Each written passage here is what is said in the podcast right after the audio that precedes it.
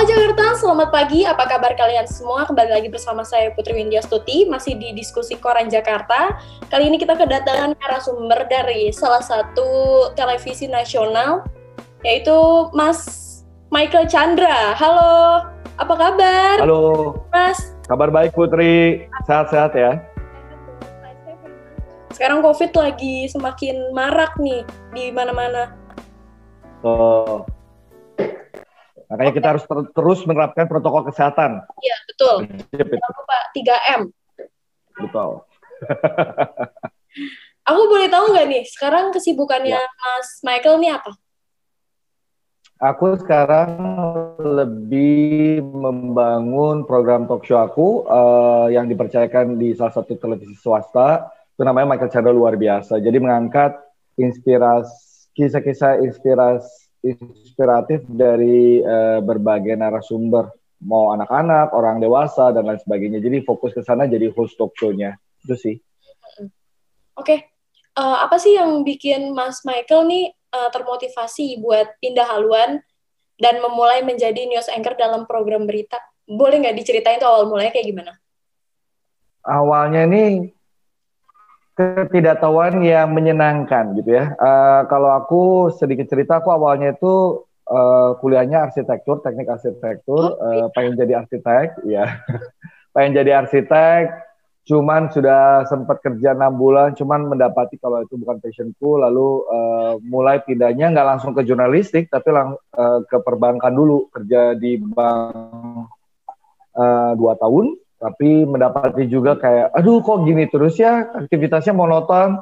Uh, karena apa memberanikan diri untuk taruh aplikasi di salah satu televisi aku sebut aja ya RCTI lalu ikut seleksi dan lain sebagainya keterima jadilah saya reporter uh, dan uh, belajar banyak di di dunia jurnalistik. Tapi uh, itu semua tuh ya tadi yang saya bilang ketidaktahuan yang menyenangkan. Jadi saya learning by doing sistemnya. Uh, jadi benar-benar nggak tahu mau nulis kayak gimana, nggak tahu mau uh, meliput seperti apa, tapi ya aku jalanin aja dan ternyata tiap harinya aku temui bahwa aku semakin uh, passionate sama kerjaan ini, terus merasa seneng banget. Kayak setiap hari itu banyak banget cerita yang bisa kita informasikan ke masyarakat, lalu belajar banyak juga dari orang-orang hebat yang kita wawancara. Jadi nggak tanpa terasa sudah sekarang sih udah masuk ke 15 tahun ya, hampir 16 tahun di uh, dunia di dunia jurnalistik. Berarti loncat banget tuh ya, maksudnya jauh banget dari arsitek ke perbankan terus tiba-tiba langsung terjunnya ke jurnalistik gitu loh. Betul, betul. Tapi kata uh, biasanya kata teman-teman yang berkiprah di jurnalistik nggak ada kata terlambat, bukan sih. Jadi ya kan? Selama kita memang suka dengan dunianya kita uh, bisa belajar dan uh, ya kita fokus saja nanti juga bisa jadi jurnalis-jurnalis hebat gitu. Itu yang saya selalu pegang sih. Jadi sampai saat ini pun saya terus coba menggali apa yang bisa saya pelajari setiap harinya supaya ilmu itu kan nggak ada matinya ya. Jadi saya coba menggali itu terus. Kalau saya tadinya bisa uh, meliput mewawancarai saya coba belajar kamera Uh, kalau udah bisa belajar kamera, saya belajar ngedit. Jadi hal-hal yang saya pikir saya bisa apa improve my skill gitu. Jadi mendapatkan hal-hal baru gitu ya? Iya betul. Oke. Uh, Mas Itu sih. Eh Mas Chandra, Mas Michael maaf. saya nih membaca berita. Ada nggak sih persiapan khusus yang dilakukan? Ada dong tentunya ya. Uh, saya ingat banget waktu awal-awal saya baca berita ya, maksudnya benar-benar, maka kamu ini, waduh, tuh dedekannya setengah mati, uh, nafas nggak nggak berat, nggak teratur, lalu keringet dingin, walaupun studio AC tuh dingin banget, cuma saya tahu banget terus saya dapat partnernya saat itu ya, Mbak Tika Suri yang legend banget, jadi pressure dan lain sebagainya itu campur aduk lah jadi satu. Saya nggak uh, bibir kering mendadak susah nelen ludah sendiri. Uh, cuman makanya uh, senior saya selalu bilang ya waktu itu Mas Adenovin selalu bilang kamu tenangin diri dulu makanya penting kita melakukan persiapan. Jadi saya selalu percaya bahwa persiapan yang matang itu akan membuat segala sesuatunya jauh lebih baik ya. Jadi eh, kalau datang tuh saya tuh nggak terburu-buru membiasakan diri ya kalau baca berita. Uh, saya datang kayak sejam sebelumnya saya liatin rundown dulu rundown beritanya. Seperti apa sih? Gitu. Lalu uh, berita-beritanya saya coba mengerti isi beritanya, membaca layaknya kita lagi uh, siaran gitu ya, walaupun itu cuman jangan baca dalam hati jadi benar-benar diucapkan gitulah. Uh, terus kata perkatanya ada kalau ada yang nggak enak mungkin minta tolong untuk diganti. Waktu itu so, soalnya kan masih presenter yang junior ya kalau sekarang kan bisa ganti sendiri. Ya kalau dulu tuh ya kan? Uh, minta tolong mbak kayaknya kok bacanya nggak enak ya. Nada nada koma titiknya dan lain sebagainya. Nah itu sih yang menurut saya penting. Terus kita diskusikan kayak memang editorial kita tuh mau kayak uh, seperti apa dan lain lain sebagainya. Supaya itu memudahkan kita ketika kita chat jadi nggak yang cuman enak ya enak selanjut gitu yang basa-basi gitu komennya gitu jadi itu sangat menunjang uh, kita untuk bisa menghantarkan informasi lagi-lagi kita ingat ya uh, fungsi seorang uh, fungsi seorang jurnalis kan yang menyampaikan informasi seakurat mungkin, uh, benar-benar tepat sasaran kepada masyarakat atau pemirsanya. Jadi benar-benar kita harus nyiapin diri sih menurut saya. Makeup juga nggak. Jadi saya sangat pantang ya kayak masuk studio itu kayak terburu-buru lari. Kecuali memang kita ada breaking news, kecuali kalau memang kita saat itu sebelum siaran kita harus wawancara sama orang, ketemu uh, misalnya uh, ada media visit dan lain sebagainya gitu ya. Kita kita nerima tamu dan lain sebagainya. Itu itu wajar. Tapi kalau ya ada waktu yang cukup kenapa kita nggak mempersiapkan diri dengan baik? Itu sih. Oke ada nggak sih bedanya antara uh, jadi pembawa baca berita sama jadi apa namanya tuh uh, news anchor program acara sendiri talk show? Oh ada dong. Uh, baca berita aja itu ada banyak uh, tahapannya put. Uh, jadi ada yang cuma baca doang, ada yang uh, jadi ada news reader, news presenter, news anchor. Nah kalau news reader ya orang yang di hire, freelance, katakanlah ada prompternya, bisa nggak dia baca? Ya bisa, orang tinggal baca aja, ada titik koma dan lain sebagainya gitu ya.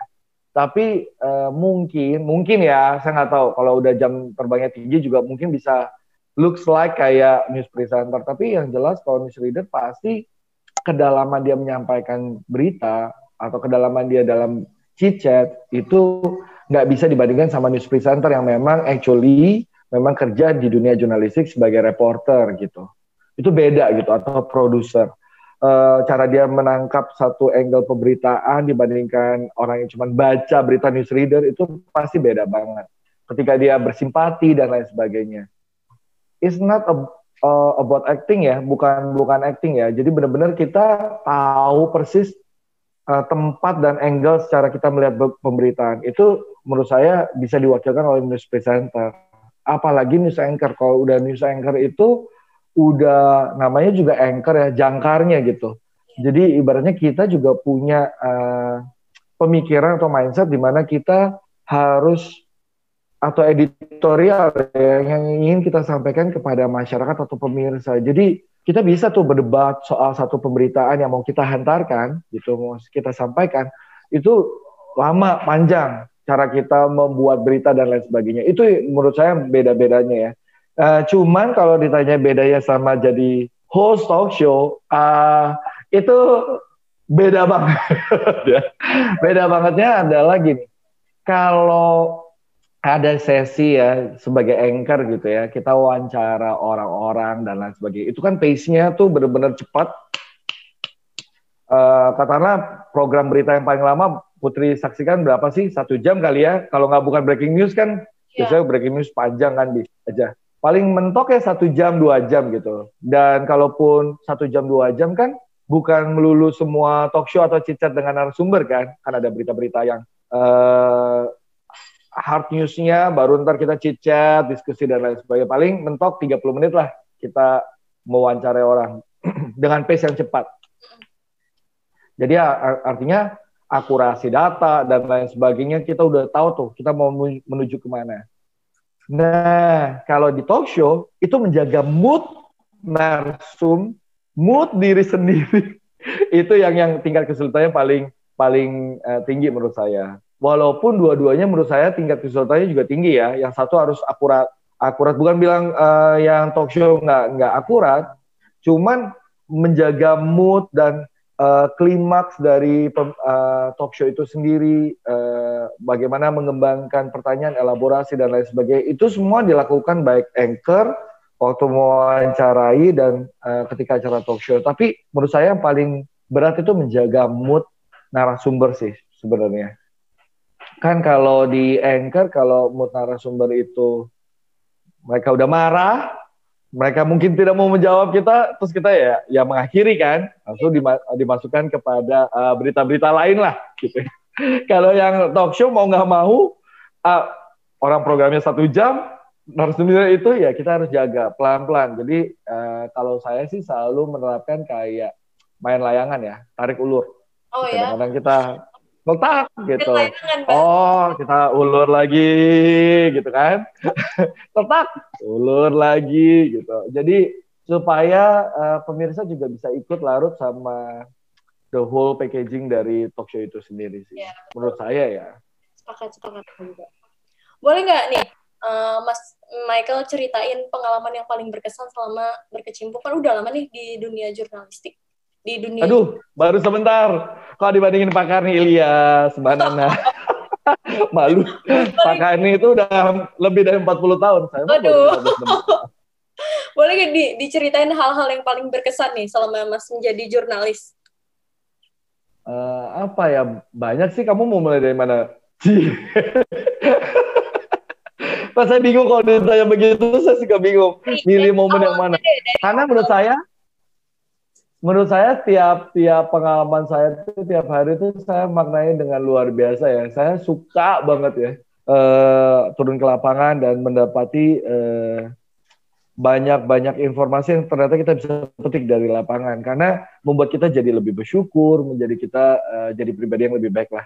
Uh, kalau kamu nanya pengalaman yang berkesan, saya ingat banget ya waktu awal-awal saya masuk, kamu bisa bayangin ya saya orang yang nggak ngerti apa-apa, dapat pembekalan dari RCTI memang waktu itu jadi uh, uh, dalam dua minggu atau sebulan. Lalu mendadak ada tawuran uh, salah satu ormas dengan preman gitu ya. Terus saya bengong sebengong-bengongnya tangan gemeteran clueless mau ngapain. Ya itu momen yang paling menurut saya jadi titik balik saya wah seru banget. Ya habis itu tuh adrenalin terpacu terus kayak aduh ini mesti uh, mesti meliput ya? Nggak bisa uh, kabur aja gitu. Bawaannya saat itu pengen kabur. Karena uh, muka saya kan Tionghoa ya. Jadi uh, saya itu uh, besar tubuh besar tuh dapat pendidikan orang tua kalau ada keramaian yang kayak gitu-gitu menjauh dan lain sebagainya. Tapi tugas seorang jurnalis kan nggak bisa begitu. Jadi saat itu tuh saya dilema antara kita ngeliput atau enggak akhirnya saya berani diri karena adrenalin mulai terpacu ya. Saya pegang kameramen saya, saya jadi mata buat kameramen saya. Jadi maju mak, uh, maju mbak, maju, ngambil. Waktu itu saya ditemani sama kamerawati gitu ya. Mundur, bu, uh, mundur mbak, hati-hati ini ada batu gitu gitu ya. Semua saya jalani. Jadi saya masuk, saya ngeliput dan lain sebagainya. Nyampe kantor kan saatnya membuat berita, saya nge-freeze karena saya nggak kayak kayak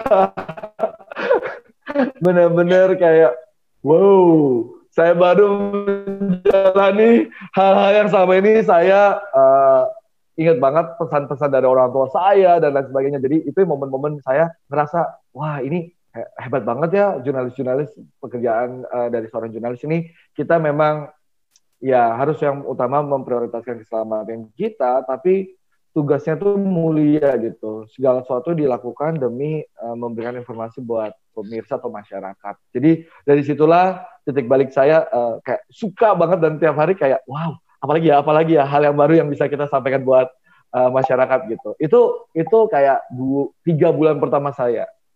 Uh, kalau lain-lainnya ya saya banyak ya momen saya wawancara sama Pak almarhum Pak Habibie dan lain sebagainya um, banyak lah saya kalaupun ada uang mungkin saya nggak akan destinasi wisata ke Iran, ke Afrika, uh, Barat atau Senegal gitu. Tapi karena peliputan, uh, karena tugas jurnalistik, saya pergi ke sana. Bahkan mampir ke istana uh, Ahmadinejad, gitu-gitu. Hal-hal yang saya pikir harus kita maknai dan dengan ucapan syukur ya. Uh, ada lagi. Kalau dari Jakarta sih saya liputan banjir waktu itu. Setelah saya desnya di kriminal saya dipindahkan di desnya metropolitan kan.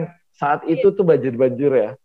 Saya ingat betul saya di kampung Melayu ya kampung Pulau ya. Saya masuk lah seperti biasa ya. Ngelaporin ketinggian air dan lain sebagainya. Saya ingat waktu itu tuh ada kotoran manusia tuh muncul empat saya bisa mikir ya ampun siapa sih orang banjir-banjir ini? Masih aja buang hajat perfect shape lo ya. Uh bener-bener uh datang mengha, me, apa? Datang uh, mengarah ke saya gitu. Jadi saya kayak wah ini kerjanya buset. Langsung saya halau dengan tangan saya ya supaya tidak mendekat jadi uh, saya sih nggak tahu ya orang bilang kok bisa sih Mike? Uh, tahan gak macam. Tapi beneran saya saya suka dan jatuh cinta sama dunia ini. Jadi bener-bener kayak memberi hidup gitu ya, arti hidup nggak ngerti ya. Buat saya personally ya, karena mungkin saya suka dan jatuh cinta sama pekerjaan ini. Itu sih itu momen-momen yang lain ya. Uh, oh ya mungkin momen yang lain saya bisa ke ngeliput perjalanan hidupnya Barack Obama di satu bulan di Amerika, ketemu dengan profesornya, uh, tempat dia ketemu Michelle Obama dan lain sebagainya. Belum lagi saya ke London untuk uh, ngeliput Olimpiade 2012. Jadi banyak sih momen-momen itu. Jadi uh, jurnalis adalah hari ini kita bisa ketemu orang di kolong jembatan, hari yang sama kita bisa ketemu presiden. Iya betul. We got all the access maksudnya benar-benar uh, itu yang paling saya syukur sih. Jadi saya kalau negara-negara atau daerah-daerah yang dikunjungi itu kita bisa kunjungi itu karena ya pekerjaan kita gitu. Dan itu yang paling saya syukuri sih. Berarti bisa sambil jalan-jalan juga ya Mas ya? nah, itu pertanyaan yang bagus. Uh, jalan-jalannya di malam hari. Begitu acara udah selesai, gelap, kita jalan-jalan. Karena uh, dulu tuh saya dapat kesempatan beberapa kali uh, liputan kenegaraan kan di luar negeri. Jadi uh, zaman saya tuh saya ngeliput dari uh, das metropolitan saya ke das istana uh, politik uh, hukum dan keamanan. Nah waktu itu tuh uh, saya dapat jam, uh, Presiden SBY. Jadi dia tuh kan ya preskon dan lain sebagainya banyak gitu. Jadi uh, kita tuh baru bisa ngasih apa ya? Uh, kasih reward pada diri kita sendiri itu malam hari ketika dia tertidur kita pergi jalan-jalan setelah kita ngirim berita dulu ya ke kantor gitu mengamankan dulu berita buat besok pagi atau hari itu juga baru kita jalan-jalan dan biasanya kita tidur kayak cuma 2 sampai empat jam doang. Habis itu bangun karena besok pagi udah penuh agendanya lagi. Ya ya itu sih sebenarnya. Cuman saya bersyukur aja ya banyak. Nah kecuali kalau pergi ke Olimpiade uh, London dan lain sebagainya perjalanan dari uh, kehidupan Barack Obama itu kan kita ngatur jadwal sendiri. Jadi tentu kita kayak bisa bisa ya kalau udah selesai baru kita bisa makan malam mungkin lihat-lihat kota dan beli souvenir. oleh-oleh pulangnya ya. Iya harus. Oke, okay. Mas Michael, aku mau nanya nih terakhir. Ya. Bisa nggak sih uh, Mas tuh kasih tips buat teman-teman Jakarta yang mungkin mau jadi jurnalis nih nantinya seperti Mas Michael yang sukses hmm. sekarang nih, kayak gimana? Buat teman-teman Jakarta, mungkin tips yang pertama menurut saya tuh harus selalu kalau ingin jadi seorang jurnalis ya harus tahu passionnya dulu. Menurut saya nggak ada kata lain selain passion ya. Mungkin teman-teman Jakarta sering banget dengar kayak gitu, cuman itu fakta dan itu yang bisa saya bagikan buat teman-teman ya, karena passion itu kayak bahan bakar ya ketika kita ngedown uh, dalam pekerjaan kita jalanin uh, pilihan karir uh, pilihan karir kita gitu passion yang membuat kita bertahan, passion yang membuat kita lebih fokus dan lain sebagainya. Jadi temukan dulu passionnya emang betul di dunia jurnalistik supaya ketika saya nggak bilang ya tadi ceritanya senang-senang, tapi ada ceritanya juga yang yang uh, bikin uh, menguraikan air mata, sedih dan lain sebagainya ada juga. Tapi kalau kita punya passionnya, itu yang membuat kita lebih semangat uh, untuk menjalani hari-hari kita di jurnalistik. Yang kedua, menurut saya setelah passion kita punya mindset untuk mau belajar. Teachable gitu. Orang yang mau selalu dengar kritik mau uh, dengerin masukan uh, dan belajar memperbaiki setiap kesalahan-kesalahan itu. Jadi menurut saya uh, yang kedua ini penting. Karena kita nggak bisa tuh jadi orang yang saya kan udah dua tahun liputan terus kenapa? Saya kan udah misalnya 10 tahun ya terus kenapa di atas langit masih ada langit jadi terus mau belajar, terus uh, selalu jadi orang yang haus akan ilmu. Karena menurut saya tuh kuncinya kalau kita selalu humble ya uh, untuk mau terus belajar, pasti kita akan jadi orang yang sangat luar biasa. Dan kita udah lihat ya banyak banyak uh, tokoh-tokoh jurnalistik yang kita lihat yang udah berkiprah 40 tahun lebih dan lain sebagainya. Mereka mau terus belajar. Belajar itu nggak mesti uh, belajar tuh bisa riset ya, baca atau ngobrol sama tokoh-tokoh sebanyak mungkin. Itu kan banyak ya. Yang ketiga, uh, kita harus punya fokus. Ya, fokus, ambisi, uh, jangan punya am terlalu ambisius gitu. Uh, kita harus yang ketiga, saya ulangin yang tadi berisik ya. Yang ketiga itu fokus jangan terlalu uh, ambisius karena ambisius tuh kadang-kadang kita suka termakan sama mimpi-mimpi kita. Fokus boleh, tapi kalau nggak kejadian itu kuncinya sabar, ya. Uh, jangan ambisius uh, karena kalau ambisius uh, kita jadi membabi buta dalam meraih mimpi-mimpi kita. Mungkin kita pengen, wah enak ya jadi A, B, jadi news anchor pokoknya gue gimana caranya gue pengen jadi news anchor gitu. Nah, jadi menghalalkan segala cara nanti, ya kan? Membabi buta. Uh, berambisi boleh, tapi jangan ambisius. Tapi untuk uh, kita punya ambisi, kita punya uh, harus punya fokus dulu. Kita mau ngejar yang mana? Satu aja, satu goal kita. Yang terakhir nih, uh, serahkan semua sama Tuhan. Karena menurut saya semua udah ada garis garisnya dari Tuhan ya. Uh, jadi uh, banyak berdoa, dan kerjakan sebaik-baiknya apa yang ada di tangan kalian. Semoga kalian bisa menjadi jurnalis handal di kemudian hari. Kalau udah sukses, jangan lupa colek putri sama saya. Ceritain juga kan, berbagi juga pesannya buat teman-teman yang lain supaya kehidupan kalian juga menginspirasi orang banyak. Iya, betul banget. Sepakat aku sama Mas Michael.